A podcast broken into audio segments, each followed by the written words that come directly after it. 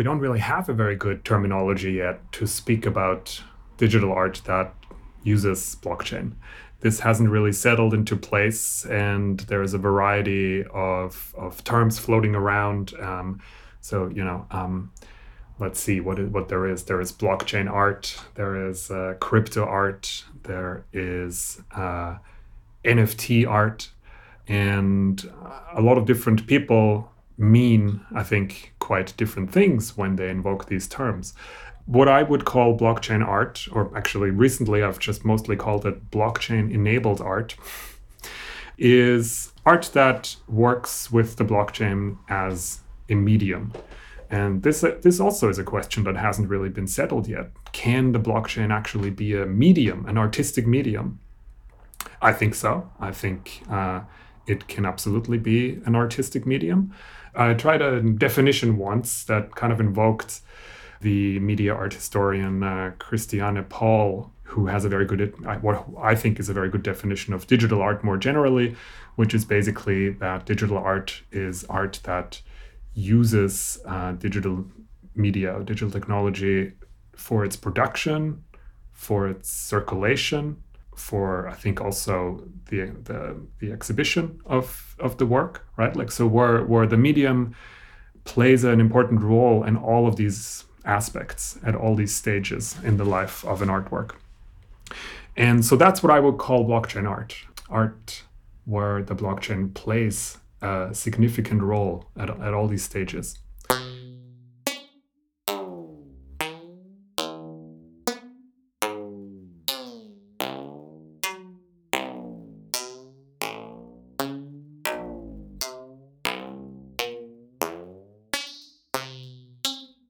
Ever since Satoshi Nakamoto published the Bitcoin white paper in 2008, the blockchain has sparked vigorous public debate.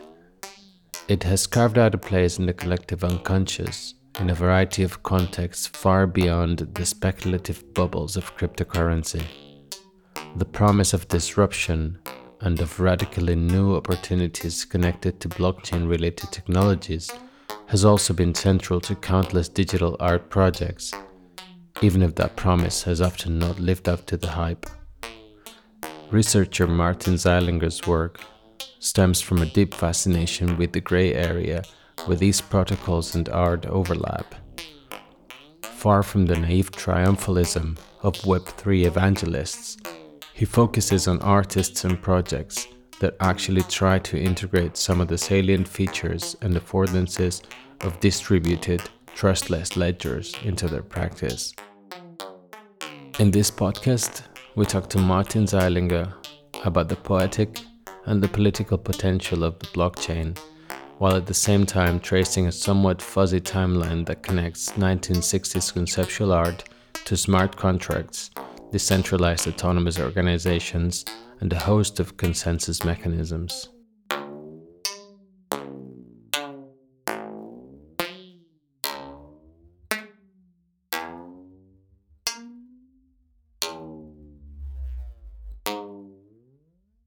To me, really, that was how I began to be most interested in blockchain as an artistic medium um, by thinking about it as a way to revisit or rethink or reimagine um, some tendencies and and and ideas of, uh, from conceptual art. And one of the immediate points of connection for me was the fact that conceptual art had this very strong drive towards immaterialization uh, or, or, dematerialization, um, dematerializing the art object.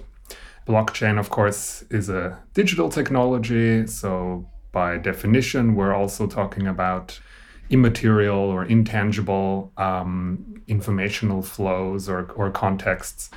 And uh, conceptual art, late 50s, in the 60s, into the 70s, was this moment when um, the material art, art object just became a really powerful uh, thing or non-thing maybe also. So what interested me early on already very much about the blockchain as a technology was how it might help us um, extend and revisit uh, conceptual art. One of the tendencies or trajectories in, in, in conceptual art, of course, has been, as I, I kind of said, the focus on the immaterial um, in, in art making and what that might empower us to do.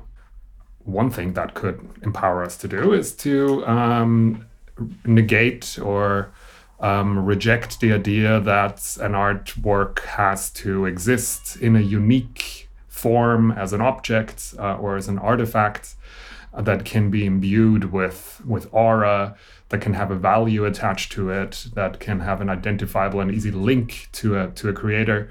If all of a sudden you have artworks that only exist in the imagination or that or, or as a description or as a set of instructions but not as an object then uh, things are changing in that regard, and um, and things become more complicated and and and more interesting. Now, what does that have to do, or how does that connect to uh, to digital art?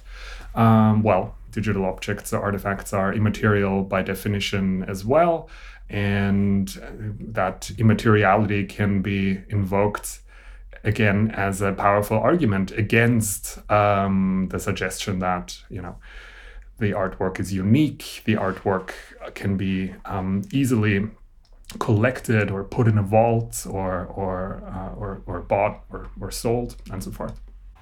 In conceptual art, very often that meant that a contract was needed or would be needed to kind of fix the idea of what the work was would even be, right? So um, Sol LeWitt would be a famous and obvious example for that kind of approach where um, artworks oftentimes would only exist in the form of a contract and a set of instructions. Um, and that, that contract served to authenticate the work.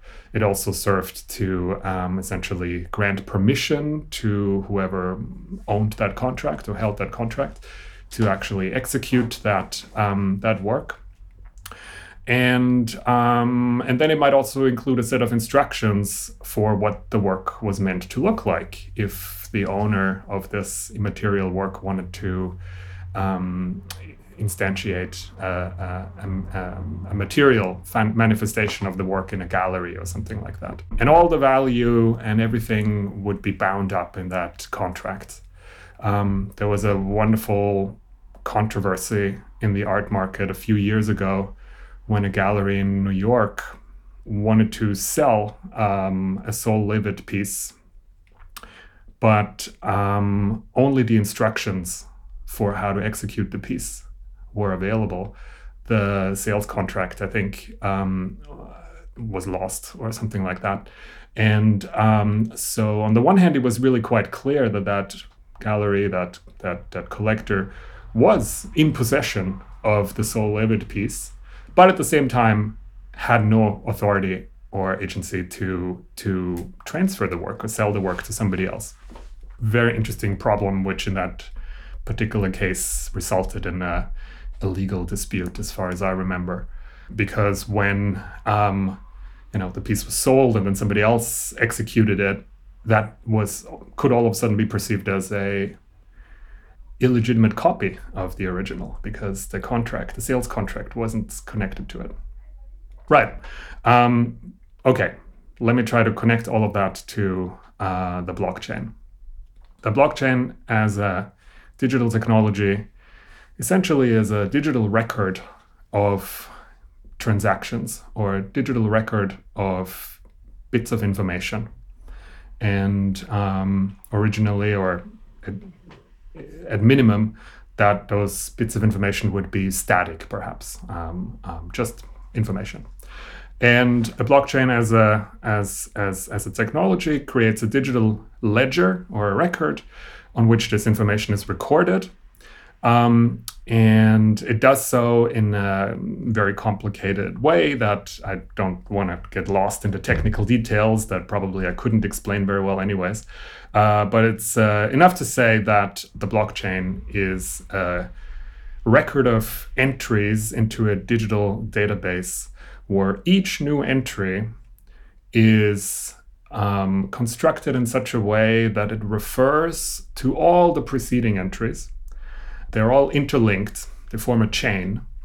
um, in such a way that they can't really uh, be broken apart uh, or um, uh, disconnected from one another, and previous entries cannot be changed or cannot be um, manipulated without breaking the integrity of the entire chain. So it's a very secure um, way to store information and record information about transactions. So, of course, that makes it a very attractive um, technology for transactional systems where we deal with value, we deal with, um, well, cryptocurrencies, for example. But in theory, any other kind of information could be stored on a blockchain as well, and it doesn't have to be used for financial uh, purposes um, necessarily at all. What becomes possible if we um, try to make art on the blockchain um, um, in the same way, perhaps, in which conceptual artists used contracts or other legal mechanisms or protocols from, that we are familiar with from um, the world of finance. This is what um, conceptual artists liked to do in order to problematize connections between owners and artists or art institutions and the art market. What if we tried to do that um, with the blockchain? Um, it seems like a technology that quite obviously lends itself to, to such uses. I was doing some writing about um, yeah this connection between conceptual art and the blockchain a few years ago, and what I came across, which really fascinated me, was uh, a really rich record of complaints, basically, of conceptual artists voicing frustration with just how futile, in a way, they felt their their conceptual critiques of the art market were in the 60s and the 70s.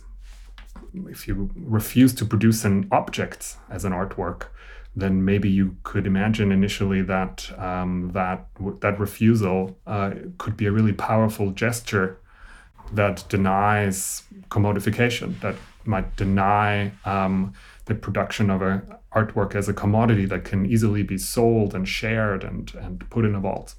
If you deny the materiality of the art object, maybe that becomes possible.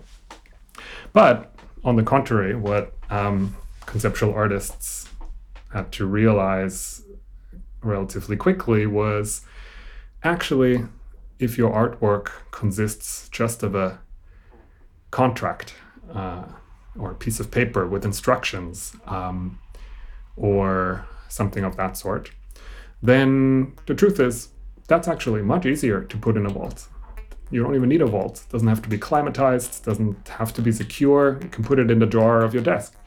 So, um, in fact, many conceptual artists ended up finding that their really critical conceptual efforts to challenge the kind of capitalist tendencies of the art market, they were very easily co opted by this very market, by the art market forces. So, um, in that essay that I wrote back then about conceptual art and blockchain, I ended up saying more or less that, uh, well, it's really not that easy to produce a, a, an effective critique of um, financial structures or um, capitalist property circuits on the art market. It's not as easy as just producing something that is immaterial. And in my reading, again, I think uh, the power of digital art to actually produce powerful critiques of that sort. That power consists very much in the fact that the digital, by definition, is easy to copy, easy to reproduce, easy to share, difficult to own in a way, difficult to sell as well.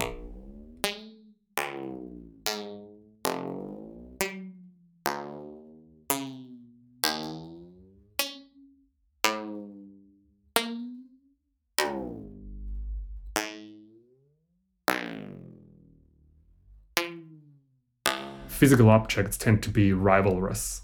If we have an apple, then either you can eat it or I can eat it. It's a rivalrous object. We can't both eat the entire apple. But if we have a digital photo of an apple, then we can copy it and we can both have the apple. Uh, and it's a non rivalrous um, artifact. And in my mind, one of the most amazing things about the digital as such is that it resists rivalrousness, that it resists the idea of scarcity. Um, I used to always think actually that in digital contexts, scarcity as such can't exist and and is uh, whenever we pretend that it exists that pretense is an artifice is is is not real is is artificial. Copyright produces uh, uh, an artificial idea of scarcity to make sure you know by, by a set of rules to make sure that things don't get copied uh, without permission. That's the power of the digital. Artworks that can't be original, perhaps, because they lent themselves so well to copying and sharing and reproduction.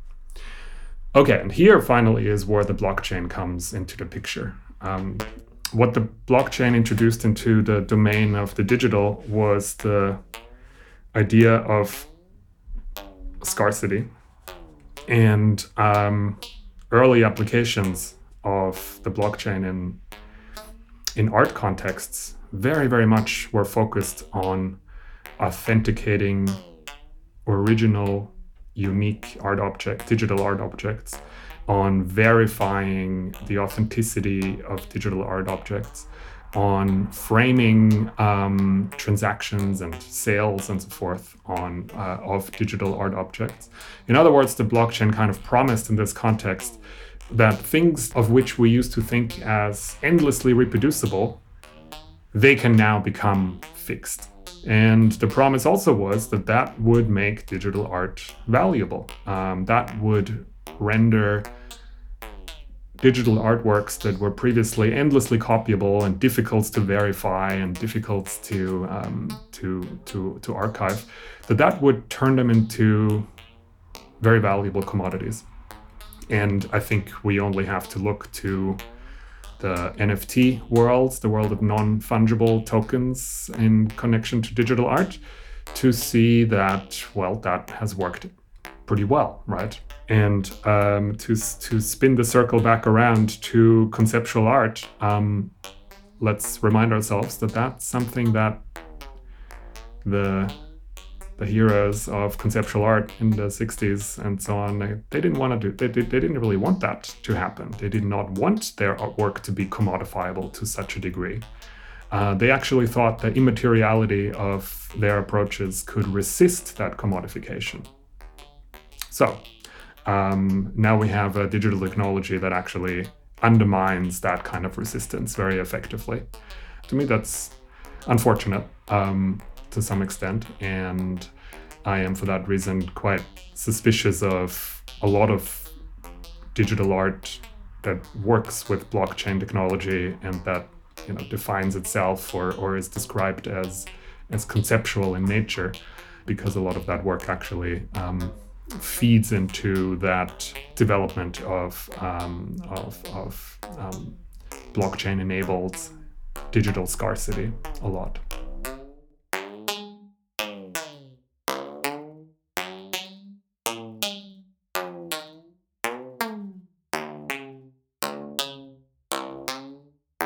In a nutshell, I said earlier, the blockchain can store information.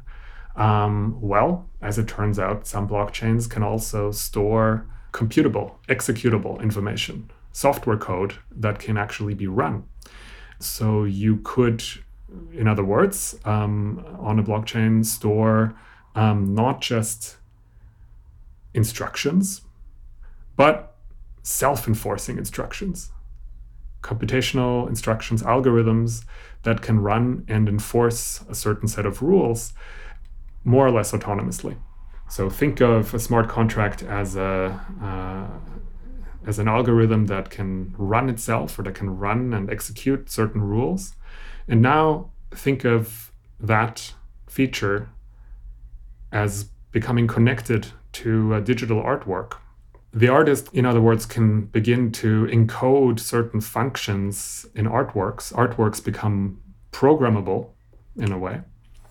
And um, to stay with the theme of contracts that we started out on, uh, one thing that becomes possible is um, to set out very specific rules around um, royalties, for example. On the traditional art market, royalties and um, income from secondary sales is, is, is very, very important for artists. In the context of digital art, that has not really ever existed until very recently with the introduction of smart contracts um, connected to NFT art, for example. So all of a sudden, an artist could specify, um, or an NFT platform could specify that on every sale and resale of the work um, on a secondary market, a certain percentage of the sales price would automatically be transferred to the crypto wallet address of the original artist amazing, uh, amazing, very simple, quite effective. There, there's one example of what you can do with um, with smart contracts.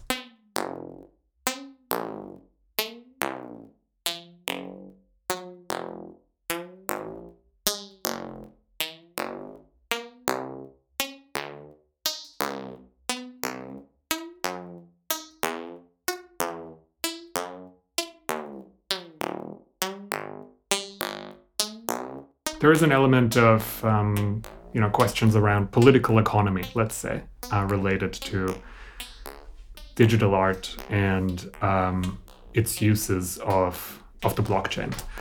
Um, so one one layer or dimension of this political economy of blockchain art has to do with the changes that the technology has produced and continues to produce in relation to how the art market kind of functions. I was talking a little bit about royalties or the secondary um, sales um, world. So that's one way in which um, this technology really has changed things for artists very dramatically. Very generally, one promise of blockchain technology oftentimes is that it will disrupt hierarchical power structures, that it will democratize and decentralize kind of everything it touches. And, and that, of course, always sounds a lot like everybody everybody wins. Uh, that does not sound like capitalism, right? Like that does not not sound like unequal power differentials and um, the exploitation of artists or anything like that. In other words, that sounds great in theory. But the truth is, of course, that the emergence of NFT marketplaces has instantly shown that, well, we just have a new set of gatekeepers replacing the old art world gatekeepers maybe this NFT marketplace, maybe as an artist, you can only participate if you are invited.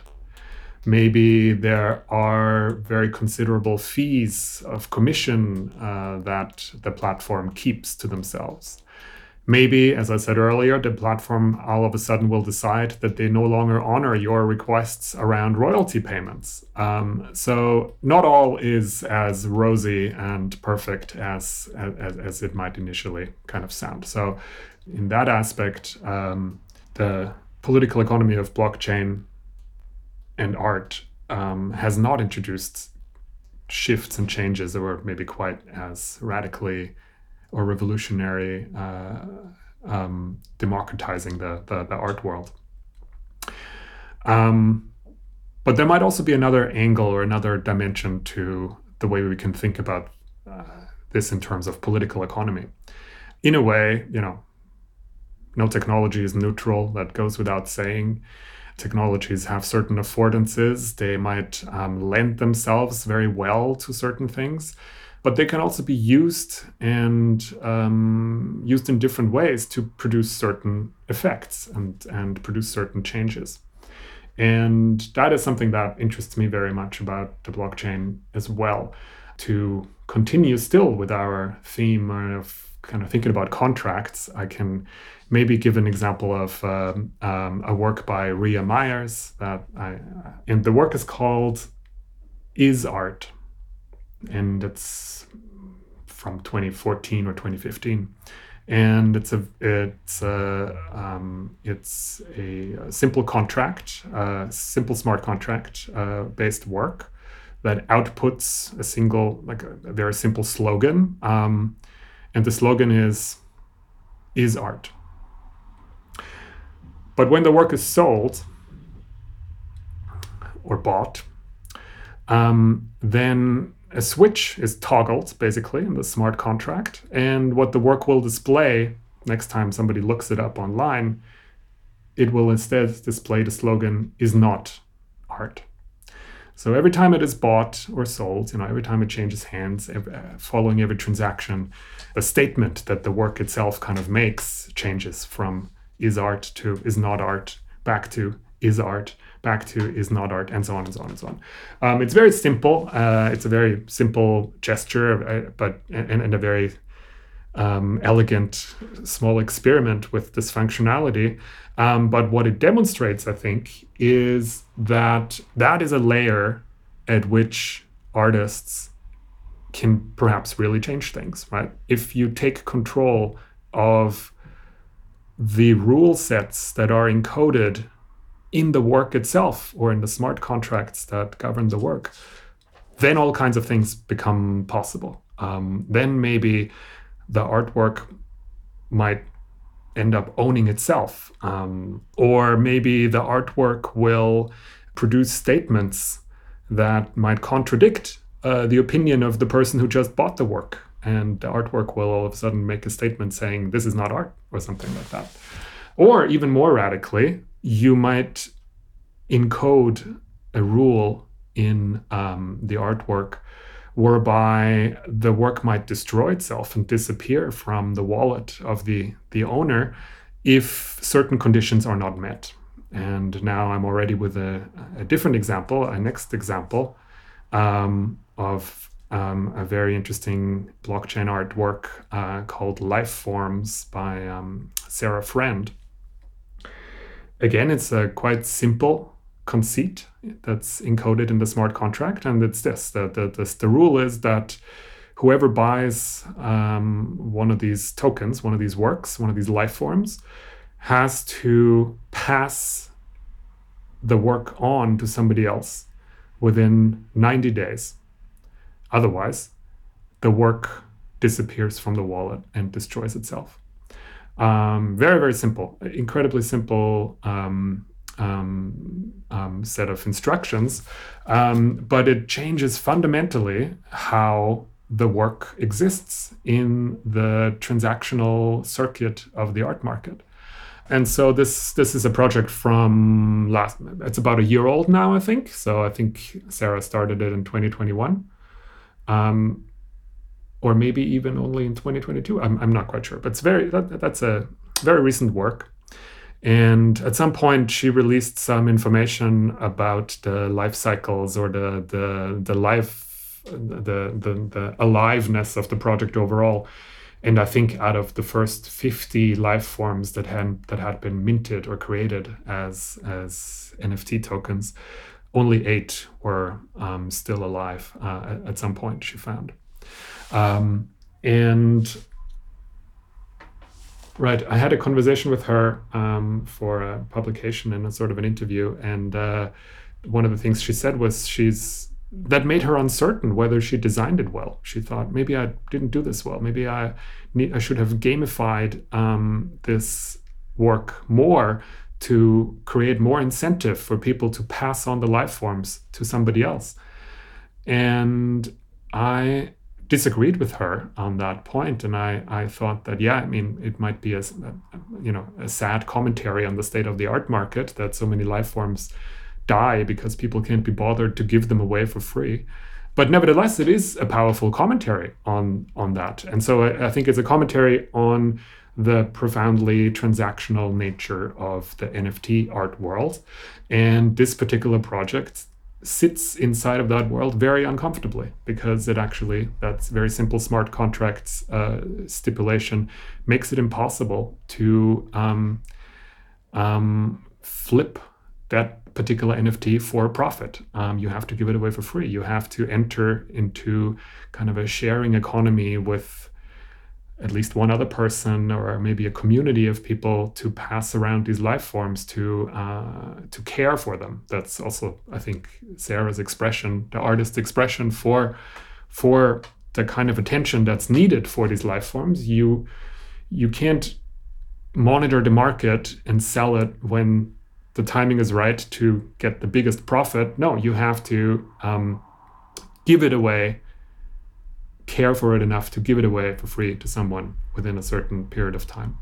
So, again, a very simple smart contract implementation, but one that changes very fundamentally, on the one hand, the behavior of this art object, but by extension, also the behavior of the audience. And as I see it, that is certainly then a point at which you could argue that the art object or the artwork, the art project, has taken on a very considerable degree of agency when it is able not only to, you know, self destruct, but also to shape the behaviors of every human collector or audience member as well in how they deal with, with the work. And so far, these examples have all um, I think, been still very limited in terms of the extensiveness of the smart contract um, functionality. Yeah? So these are all projects that use smart contracts to produce self enforcing behaviors that relate to the artwork itself.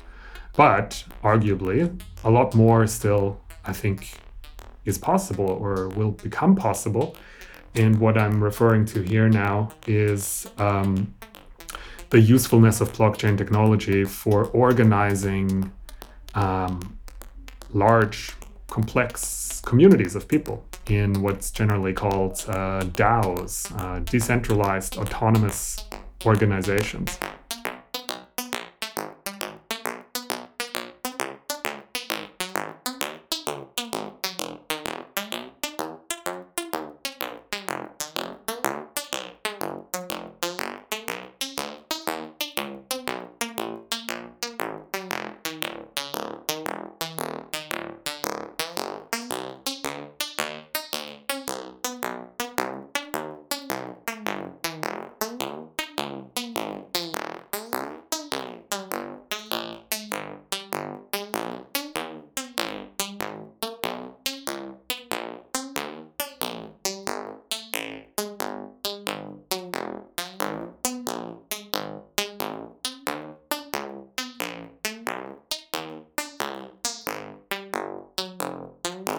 So, what's a DAO? What's a decentralized autonomous organization?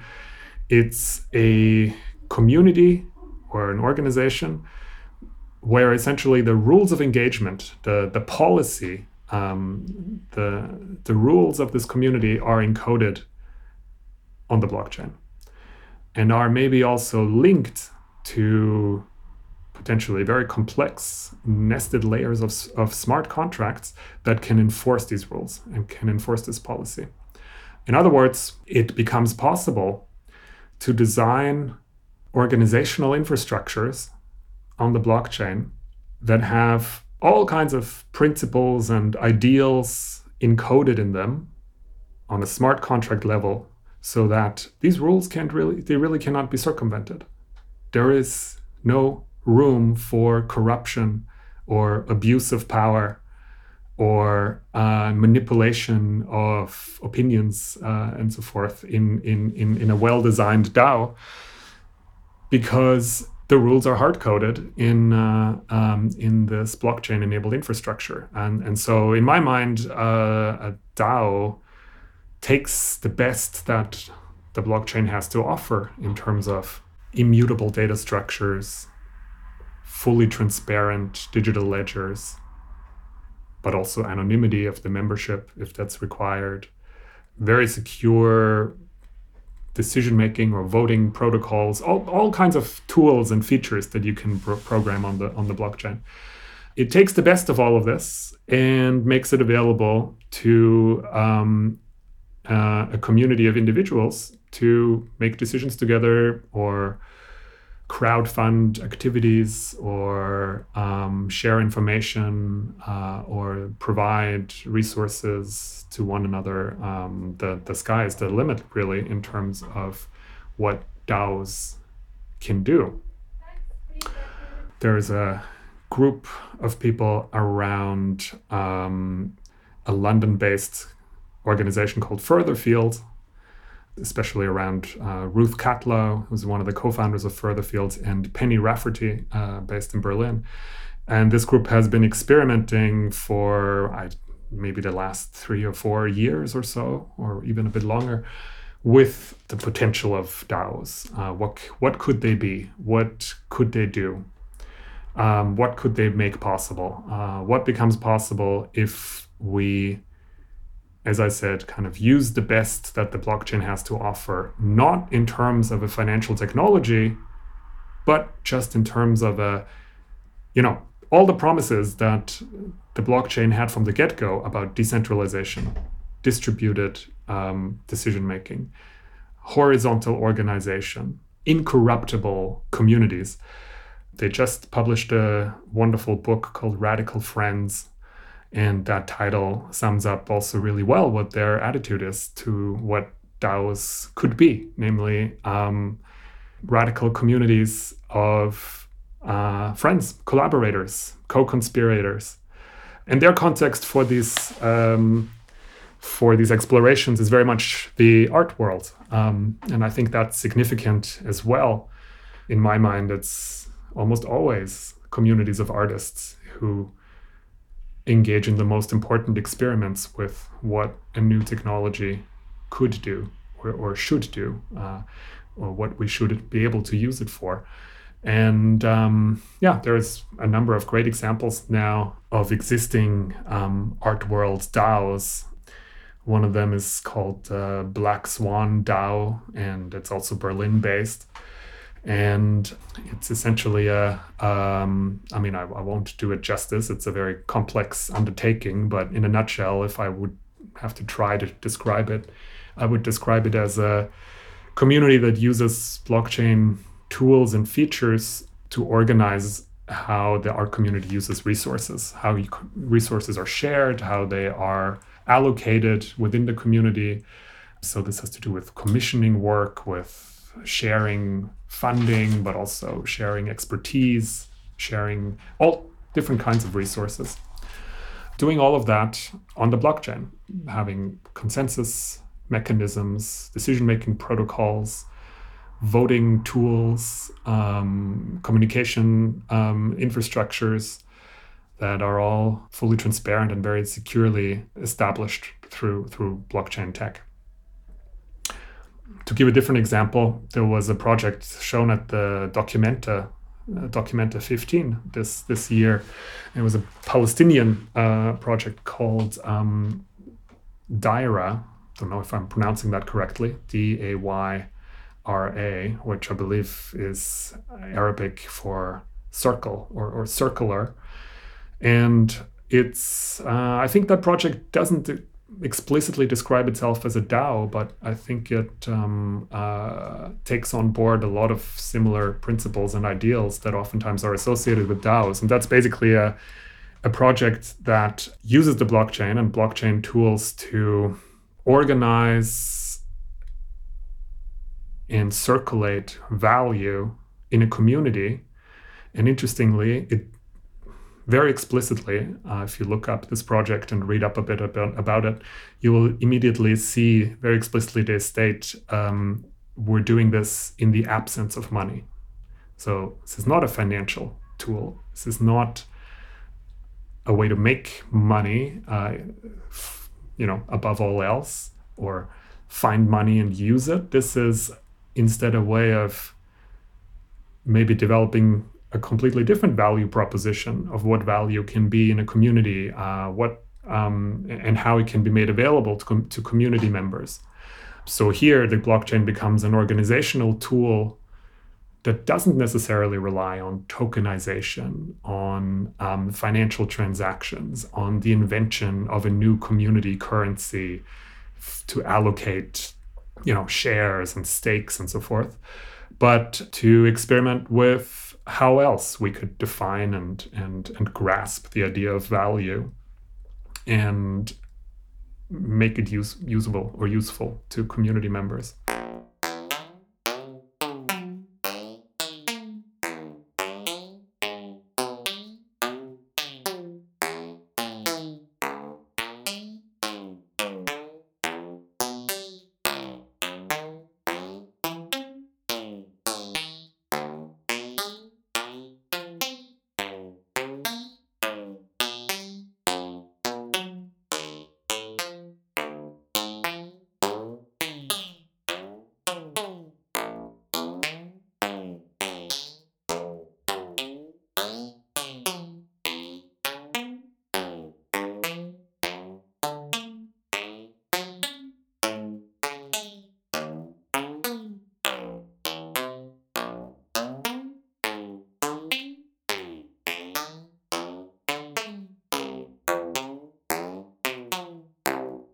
As a way to understand um, what blockchain might be and and how it could forge community, I I was thinking about baking.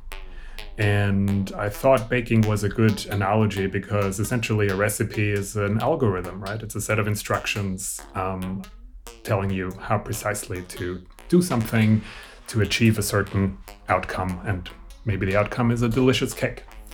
So I was inspired by um, this game, I guess I would have to call it, um, that I remembered from probably primary school. Um, I grew up in Austria, so this was a German language thing. It was called Hermannkuchen, Herman cake. And uh, maybe you're familiar with this. And I know it exists in other language contexts as well. Essentially, a yeast based, um, kind of sourdough based cake recipe where the idea is that um, you're in school, one of your friends gives you a piece of cake, but also gives you a little bit of um, this dough batter that isn't baked yet that can be cultivated to produce more uh, more cake batter or more dough. So you take this home, you care for it. It is a living organism. It is uh, it has agency in that regard. It can die. It can it can um, grow. Um, you feed the sourdough as as you would, and then about after about a week, you um, it, it, it's it's ready, and you can, uh, you know, if you follow the instructions, you will divide it up in several pieces, and you will use one of those pieces to make a cake again. Um, and then you bring that cake back to school, share it with your friends, but the other three pieces of the batter you pass on to three other people and then the circle begins again. Uh, the the cake chain has begun. Um, and so I use this as kind of an analogy, as a playful analogy, to also demonstrate this immutability of information that can be encoded in the blockchain. Um, you know, if we keep this cake chain going, then it is actually really true that every future cake that will be baked will have in it a small piece of the dough that I have cultivated at home. And this goes in the other direction as well, backwards, right? Um, like when I eat a piece of that cake, it will actually contain um, a little bit of every piece of um, the cake starter going back through all the generations to um, the, the Genesis cake. So I think it's a quite good way to understand this um, self contradictory identity of the blockchain as a structure that is both immutable but also open constantly to new things, to changes, to reformulating itself. I have no idea what the taste, what you know, what the cake will be like a few years down down the road, and yet that future existence of that cake depends entirely already on my my duty of care to cultivating the the, the batter well for the week that I have it. So yeah, so I spoke about this at a at, at, at a talk about a year ago, and now I was invited to um, contribute to a s- small book about art and activism, and I contributed a recipe for uh, for this cake um, uh, that also takes the. It, it's more of a manifesto than a recipe but again, I think uh, there is a lot of overlap and not so much difference, right, between a recipe and a contract and a, uh, a manifesto. In a way, those are all very similar things. Um, and so, in that short publication, I have a cake chain explainer that is also a manifesto of the cake chain, and then you can bake it too if you if you want. Um, and having raised that now, that image of the manifesto, I think that that also ties in very nicely with um, that reference I made a little bit earlier to the book by um, Ruth Catlow and uh, Penny Rafferty, because that is literally how they define DAOs. Uh, their definition of a DAO is, uh, and they're referencing an, another DAO developer, um, Kei Kreutler, who is New York based. Their definition is literally uh, a DAO is an operationalized artist manifesto. It's a self actualizing manifesto. It's a manifesto where the principles and ideals of the community are encoded in such a way that it will make itself happen if in, in, in a way as as a matter of speaking and yeah that's what a manifesto is but that's also what a um, contract is, right? A contract has generally this performative dimension. Um, it will become reality in the process of being enacted. Um, speech act theory, if you're into semiotics or cultural theory, then you, you'll be familiar with this concept of speech act theory um, and the idea that uh, uh, um, something like getting married is is a you know that that simple phrase I do that somebody says to somebody else during the wedding ceremony it's just a simple sentence but it also is an incredibly powerful sentence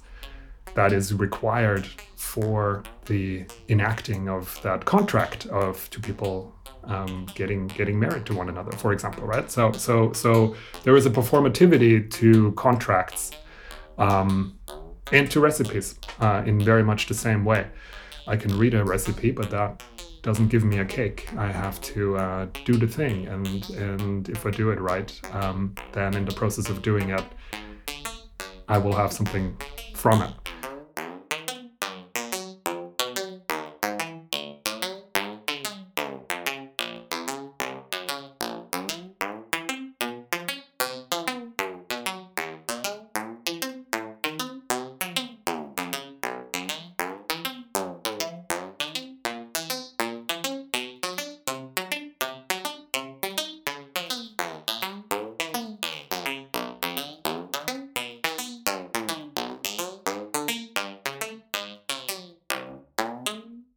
Think the debate that's starting to happen right now, and it's very interesting debate, has to do with archiving and um, collection. So archiving and collection of blockchain enabled digital art. And by that, I don't mean buying and selling and becoming filthy rich with NFTs. By that, I mean what happens when a museum or an art institution wants to collect these works. How do they do that? How how can they ensure that um, such a new entry into their collection remains available to a viewing public uh, and uh, the future of art audiences? NFTs are in so many ways such a broken technology right from the get go because essentially they produce a unique link between a digital token and a, a, a digital art, art artifact that will be stored somewhere online but that link can change or the source can disappear. Uh, there are all kinds of things that can go wrong, and um, you would only have to go onto Twitter any day of the week to find hilarious panics around how all of this can go wrong and um, how easily people are duped into thinking they have something uh, and or have bought something or are in possession of something only to realize that um, yeah everything is a lot more complicated than that. There isn't anything in the technology, in the underlying technology as such, that will ensure that my art NFT will will survive forever or even just this year it's really much more theoretical. I think the, the the the, durability and endurance of blockchain technology is a concept and a theoretical possibility but of course it relies on infrastructure on physical infrastructure. So that's a difficult problem that i absolutely have no answer for. But I know that there are um, curators such as uh, Tina Rivers Ryan in the US, who is at Buffalo, um, who are thinking very, very much and very carefully around uh, about um, how collection of blockchain art might function, what it might require, what type of expertise and um, computer hardware infrastructure might be required to collect it in a meaningful way, but then also what exhibition formats do we have to develop in order to even make it an interesting experience for uh, someone coming to a gallery or going to a museum. Um, I mean, this is a whole, that's a whole other can of worms to open um, to talk about just how bad or bad, oh, it's not a good word, how, how unappealing NFT art generally is when it's exhibited. Um, I have been to a few of these exhibitions, and more often than not, NFT based visual works will be shown on monitors that don't have the correct aspect ratio for the work, and you'll have black borders around, or the image is cropped, uh, or yeah, and so you're in a room full of monitors hung on walls. Um, and that can't be that can't be it right like if i mean that cannot be the future of such artworks the afterlife of such artworks in museum collections um, so i think there is a lot of developments that we can expect to happen very imminently, I think, because larger museums or, or institutions are starting to become interested in collecting this kind of work. Does it make sense for traditional art institutions to become the custodians of this new type of digital art? I think the answer partly is given by the fact that this new type of art has already undergone a transition now and is um, resembling quite traditional, valuable artworks more and more and more in, in a way seems like we can't shake off so easily. Uh, that legacy of the the aura of the incredibly valuable, unique, I don't know what Mona Lisa type of artwork that needs to be hung in a super secure room. It's almost as if we are eager to reproduce that experience or that that reality with blockchain art on some level anyways and um, i mean every time you know, somebody talks about Beeple and the massively um, expensive auction sale of that NFT work. What was it called? Five, the first 5,000 days or something like that every day. I, I don't know. Um, um, Beeple's famous NFT piece, let's call it that. Um, every time that is invoked or that is is mentioned, of course, that is mentioned as if that's comparable to that kind of traditional artwork that requires that kind of um, custodianship and stewardship. I would agree that ideally that shouldn't be required. Um, I would be much more interested in a future world of digital art where um, that kind of gatekeeping and storing vulnerable, valuable art artifacts in vaults becomes entirely um, besides the point. But so far, that doesn't seem to be the trajectory.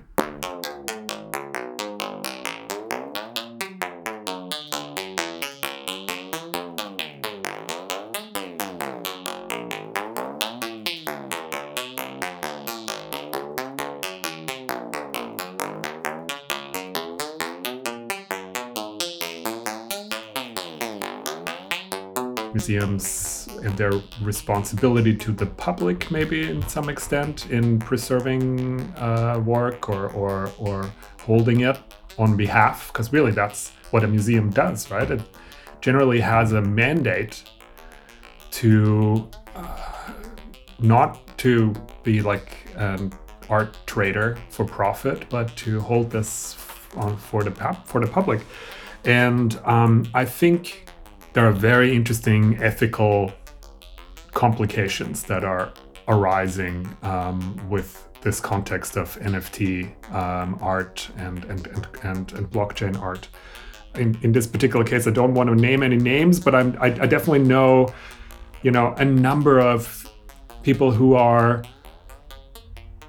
curators, but also more and more promoters and social media influencers or it's it's quite unclear what the role of a curator or a collector is in this brave new weird world of NFTs when such incredible potential value is involved that can be generated so quickly also dissipate very quickly. Uh, a lot of you know a lot about blockchain art incentivizes trade right? It doesn't incentivize holding and collecting it incentivizes participation in finance oriented kind of transactional systems. So, um, in a way, almost it's absurd to expect a museum to use public money to buy a great work of NFT art and then hold on to it forever because the truth is, a lot of those works are not made for that purpose. They are made to circulate